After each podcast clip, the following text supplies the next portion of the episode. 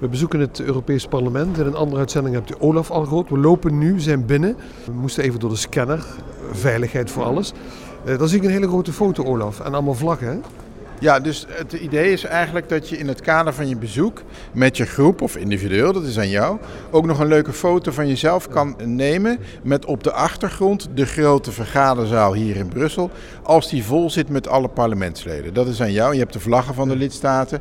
Nou, we zien hier ook nog een leuke maquette van eigenlijk de, ja, wat wij dan noemen de, de, de Europese wijk, hè, met, het, met het Europees Parlement enzovoort. En je hebt daar nog de sharing box, daar kun je een foto van jezelf uh, maken en die naar jezelf opsturen enzovoort hier in het parlement. Ja, heel leuk, maar uh, de zaal zelf mogen we ook zien. Daar lopen we ja. nu naartoe, hè?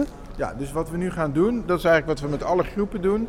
Hier uh, komen ze bijeen. Uh, eventueel beginnen ze hier al met hun voorlichting als ze als, als groep zich hebben aangemeld.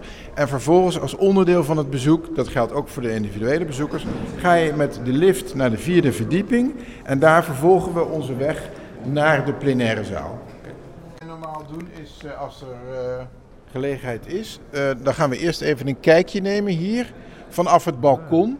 Laten we zeggen de balkonscène op de vierde verdieping, waar je kijkt op het sculptuur van een kunstenaar uit België, Olivier Strebel. Je ziet het daar, dat uh, uh, gevaarte, 35 meter hoog. In feite die golven, die representeren de lidstaten die dingen samen doen, maar ook hun autonomie hebben.